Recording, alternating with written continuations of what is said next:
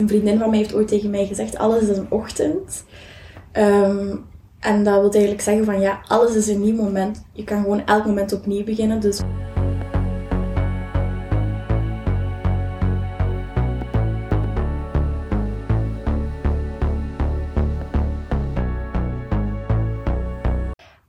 en welkom bij de zevende aflevering van onze podcast.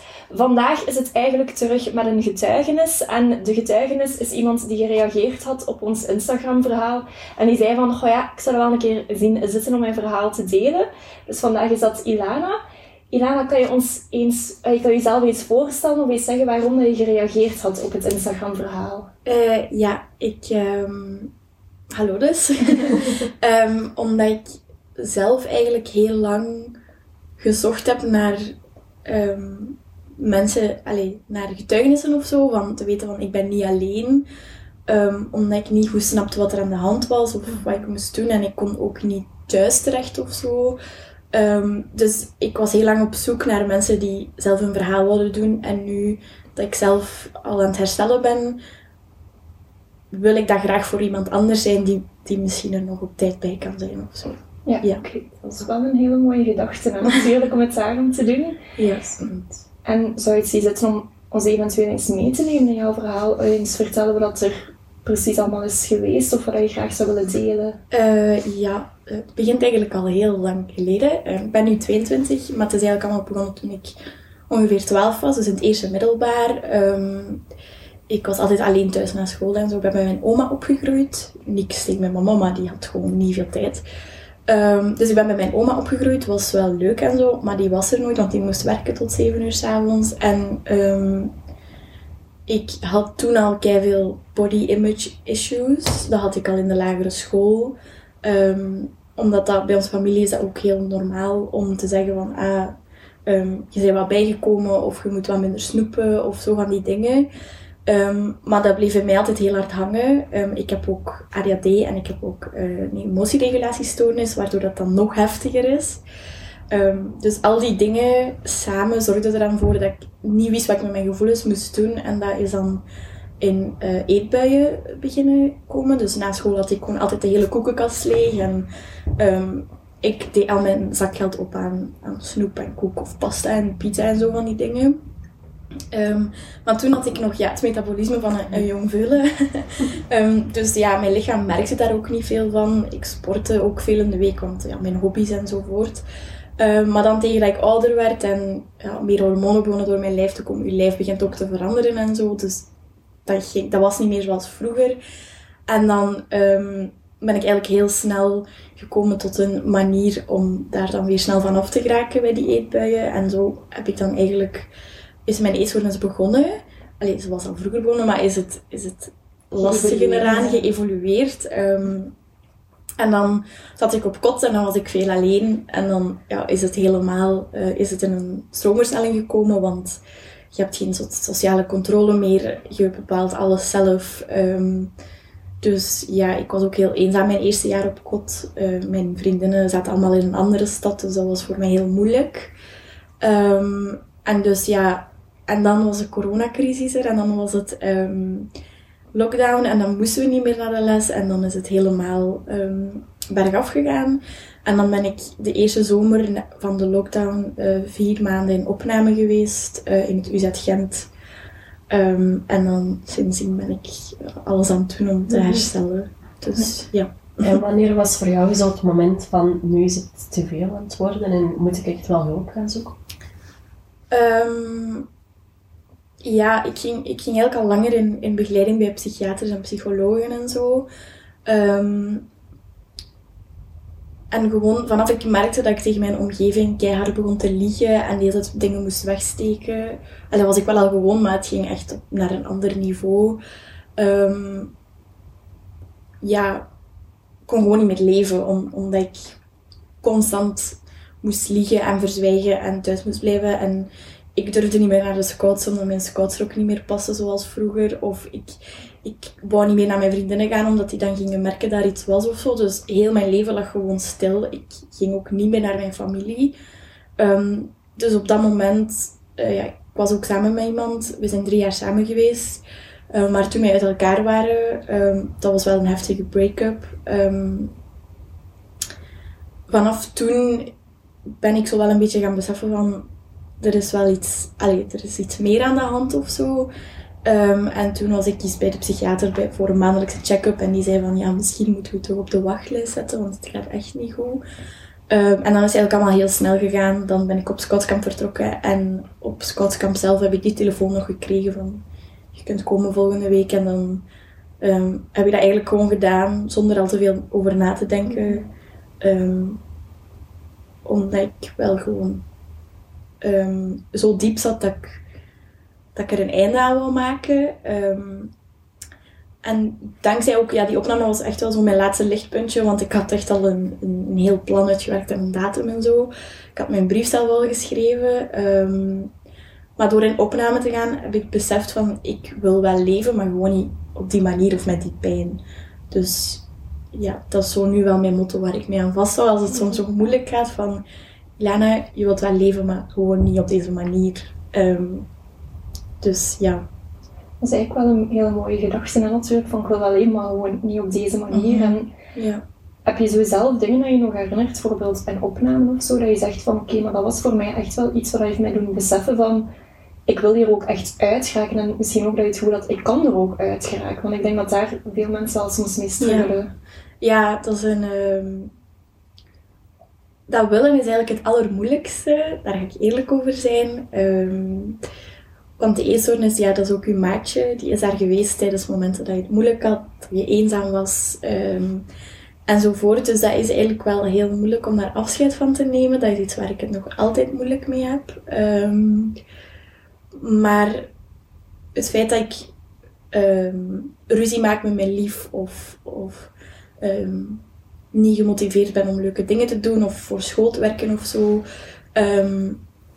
dat is voor mij zo wat de grootste drijfveer, omdat ik de mensen die ik graag zie kwets. Um, dat ik mezelf kwets, dat, ja, dat is moeilijke, omdat ja, je hebt een eetstoornis, dus dat is allemaal niet zo erg. Um, maar de mensen rondom mij zien afzien is wel een heel lastige.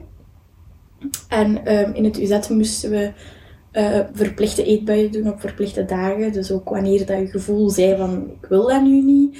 en dat heeft mij ook wel een beetje geholpen van ja, maar eigenlijk voel ik mij daar kei slecht door. Ehm, en ja, ik denk zo wat verschillende kleine dingen die samenkomen, um, geven mij wel het gevoel van het gaat wel lukken en het kan wel. Ja, ja oké.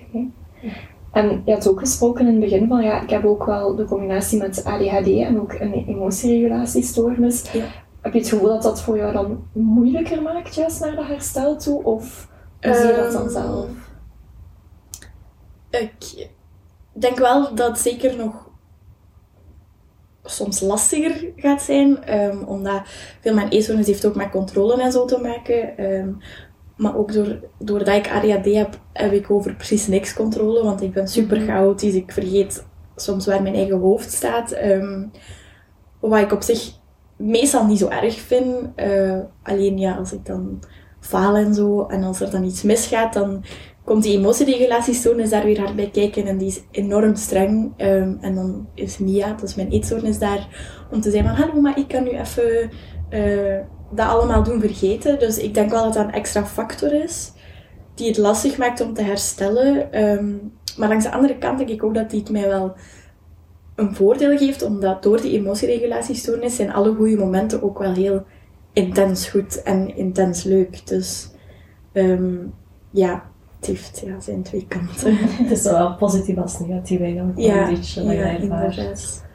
Ja. Okay. En heb je zoal um, naast dan de controle van de eetstoornis al andere manieren gevonden om daar dan mee om te gaan? Met zo, bijvoorbeeld het falen of bijvoorbeeld om daar op een andere manier mee te gaan? Um, dat is uh, still a work in progress. Um, ja, er zijn wel veel andere manieren natuurlijk. Ja, het, mijn grote ding is eigenlijk dat ik mezelf er de hele tijd aan moet herinneren dat niet alles perfect moet zijn. Um, want dat de mooiste imperfectie is, maar dat is een moeilijke. Maar dat probeer ik wel met mezelf dat constant te zeggen. En wat ook iets belangrijk is, een vriendin van mij heeft ooit tegen mij gezegd, alles is een ochtend. Ehm, en dat wil eigenlijk zeggen van ja, alles is een nieuw moment. Je kan gewoon elk moment opnieuw beginnen. Dus al ben ik net in de fout gegaan, of heb ik net iets gedaan wat ik niet fijn vind en wat Mia triggert of wat iets anders triggert, maakt niet uit. Er is nu gewoon een volledig nieuw moment om opnieuw te proberen. Ehm, en ik denk dat dat ook wel ehm, ja, everything is mental. Dus overal waar dat je je hoofd toezet om te geloven, dat, dat denk ik wel dat dat helpt. Ehm, alles is een ochtend om de hele tijd opnieuw te beginnen. Het is veel opnieuw beginnen en dat is vaak heel moeilijk. Maar dat weet ik ook, dat weet mijn omgeving ook. ook en ik neem uh, wel heel veel rustmomenten, zoals op een zaterdag bijvoorbeeld. Gisteren heb ik de hele dag boeken gelezen, thee gedronken, in mijn bed gelegen. Um, dat mag gewoon. Mm Ja. Zo'n keer even een rustpauze voor je hoofd ook eigenlijk. Ja, ja, ik merk wel dat ik dat enorm veel nodig heb. Omdat ik constant aan het denken ben en aan het voelen ook. En ja, dat voelen hoort er jammer genoeg bij. Mm dus dat is echt wel nodig dat ik die rust inplan. Want als ik dat niet inplan, dan gun ik mezelf dat niet. Ja. En zijn er dan zo dingen dat je zelf denkt van, oh, dat zou ik wel misschien willen geven aan de mensen die luisteren? Van, dat is misschien een tip die ik kan geven dat, dat voor mij wel echt helpend is geweest. Of dingen die voor jou kunnen, kunnen helpen in dat herstelproces. Want ik hoor jou vaak dingen zeggen zoals bijvoorbeeld vrienden, familie, omgeving. Ja. Dus duidelijk dat die echt een hele grote steunpilaar zijn. Maar dan had ik ook een paar quotes. Is dat dan iets wat je soms een keer uithangt om je daaraan te herinneren? Of hoe doe je dat dan precies? Um, mijn appartement hangt vol quotes. Ah, oké. en post-its zijn allemaal van die dingen. Er um, zijn ook nog resten geweest van de tijd dat ik in opname zat en dan in de weekends naar huis moest komen. Um, en ook veel flowcharts van, van oké, je voelt dit nu, maar wilt je dat wel? En zo van die dingen. Ik heb, ja, dat is een enorm proces van zoeken en, en um, werkt dat of werkt dat niet. maar een van mijn favoriete dingen om te doen is, het klinkt misschien stom, maar je moet je daar een beetje over zetten. Als ik echt die drang voel voor een eetbui of zo, dan heb ik, ik heb daar een playlist voor. Dat zijn gewoon maar drie liedjes. Maar dat is die muziek keihard uitzetten en gewoon je lichaam laten bewegen. Niet van ik moet goed dansen of op ritme, maar gewoon je lichaam laten bewegen. Dat heb ik ook geleerd in zetten en dat is iets wat mij ook wel echt helpt. Um, het is precies alsof er dan zuurstof naar je brein gaat en je weer kunt denken. Waarschijnlijk is dat ook wel zo. Um, uh, ja, dat is een tip. En gewoon inderdaad, ja, mezelf gewoon constant doen herinneren aan de goede dingen van herstel. En, want als je het totale lijstje maakt, is, is, zijn de voordelen van herstel zoveel groter en zoveel intenser en meer en beter. Um, maar vaak hangt je vast aan dat ene voordeel van niet herstellen. Um, maar er zijn zoveel dingen. Ja, je hebt meer energie, ik heb veel meer een vollere bos haar. Um, mijn haar valt niet meer uit, mijn nagels zijn sterk. Dus je lichaam wordt gewoon gezonder. En dat is eigenlijk waar het allemaal niet begint, dat je een gezond lichaam wilt. Dus, dus daar moet je dan denk ik ook wel een beetje... Dat is voor mij een, een groot ding, waar ik mezelf echt vaak aan herinner in de badkamer of zo. Mm. Van, kijk eens, je, je leven... Allee, je leeft weer en je lichaam is gezond. Ik kan me wel voorstellen dat het ook niet altijd even gemakkelijk is om zo al die motivatie er terug uit te halen. Zijn er mhm. ook zo mensen in je omgeving dat je echt voelt van die helpen mij super hard op die momenten dat het maar moeilijker is? Uh, ja, sowieso. Het is super moeilijk om jezelf de hele tijd gemotiveerd te houden of om energie te hebben naast alle andere dingen van het leven daarbij komen. Um, maar ja, mijn lief is wel mijn grootste motivator. Omdat ze is ook enorm betrokken bij dat proces. Ze wil er ook veel over leren en zo. En um, ja, ik heb Lies ook net ontmoet op een moment dat dat zo ietsje beter ging. Dus dat is wel goed, want dan die weet wat ik kan en die weet hoe het kan zijn. Dus die herinnert me daar wel vaak aan. Um, en misschien ook super stom, maar ik heb ook een kat in huis genomen. Um, sinds ja, die wordt nu één jaar. Um, en die heet dus Camille. En dat is ook echt een van mijn grootste reddingen geweest. Dat is super belachelijk om te zeggen, maar um, die helpt mij om elke dag op te staan. Um, om elke dag om kwart na zes staat hij aan mijn bed te miauwen omdat hij zijn ontbijt wilt.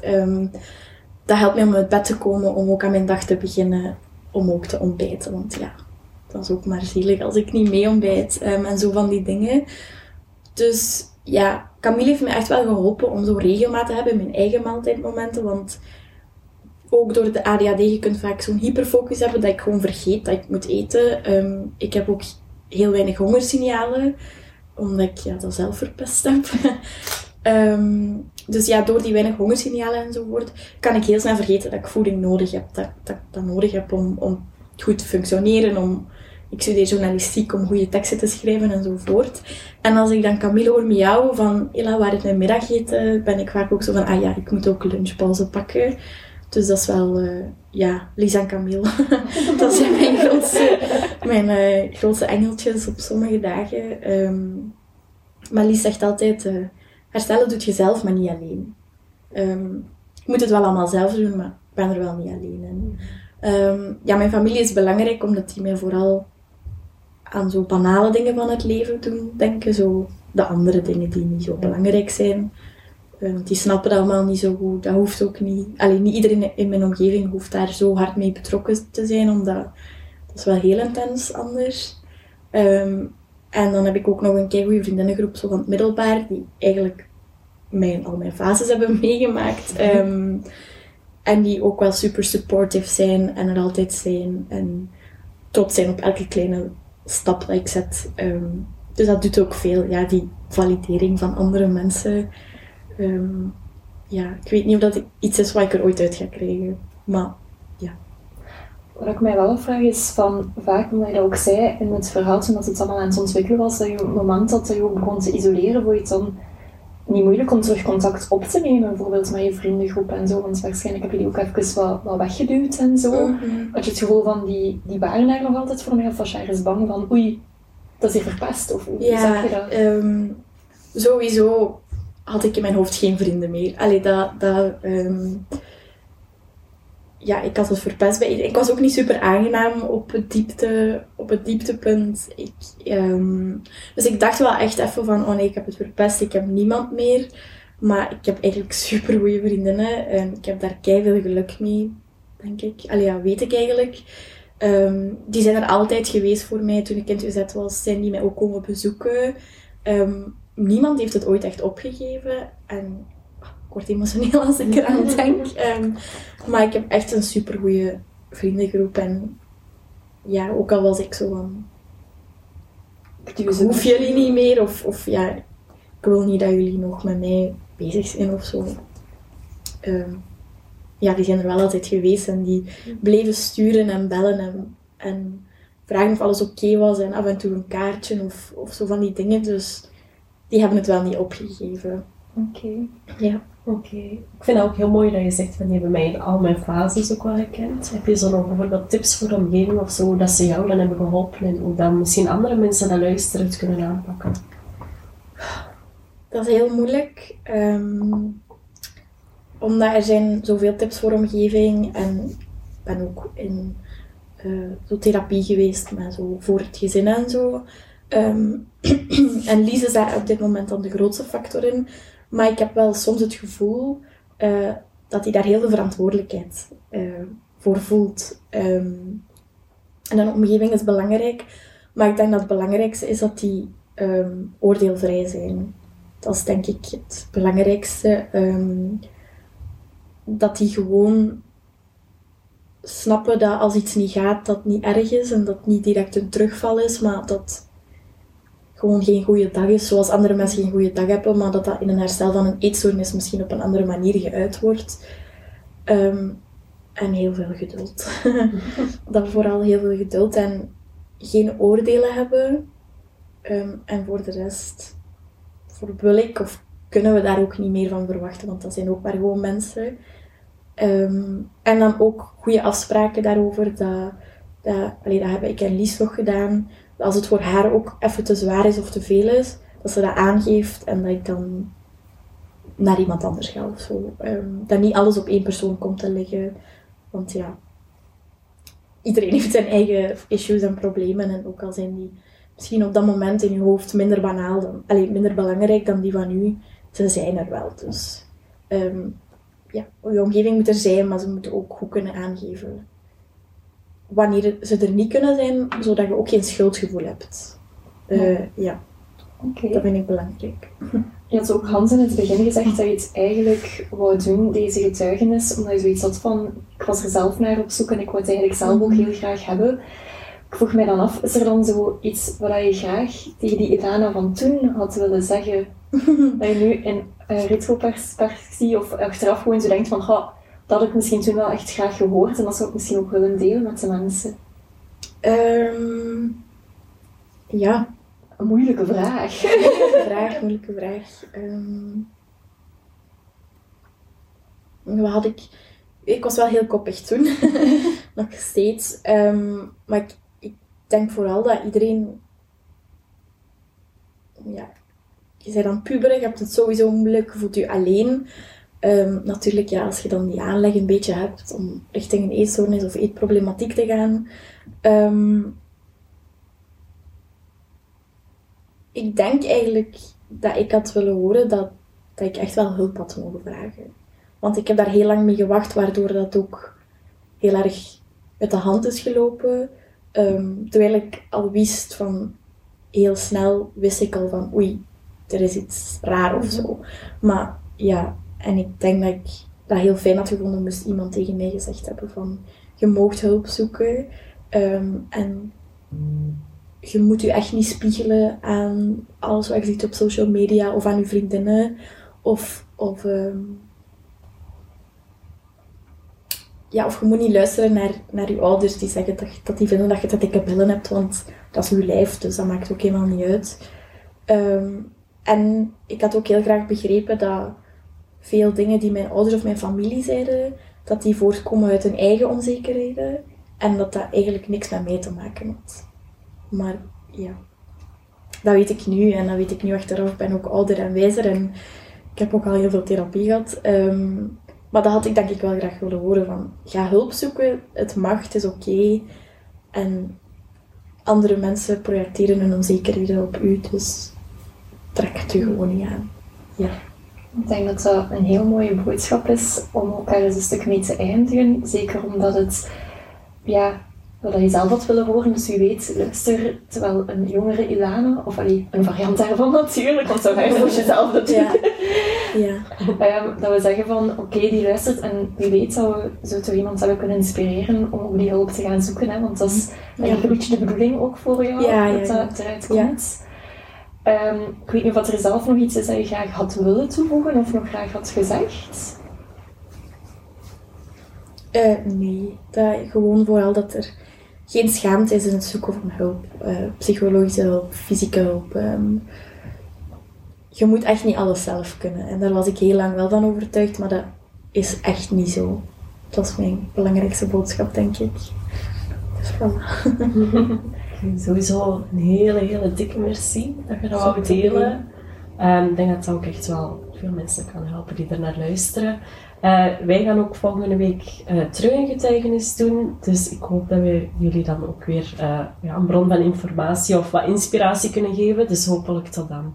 Tot dan. Salut.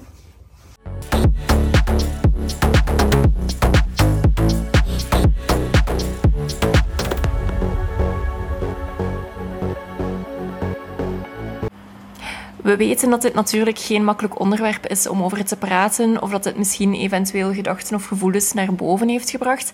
En daarom willen we je echt eraan herinneren dat je ook ergens terecht kan. De mensen van AWEL staan eigenlijk altijd klaar om je verder te helpen. Het kan zijn een belletje of via de chat, maar je kan ook natuurlijk altijd bij ons terecht um, op de vrijdagavond als je vragen hebt of ergens mee zit. Dus je bent zeker niet alleen en vergeet dat ook niet.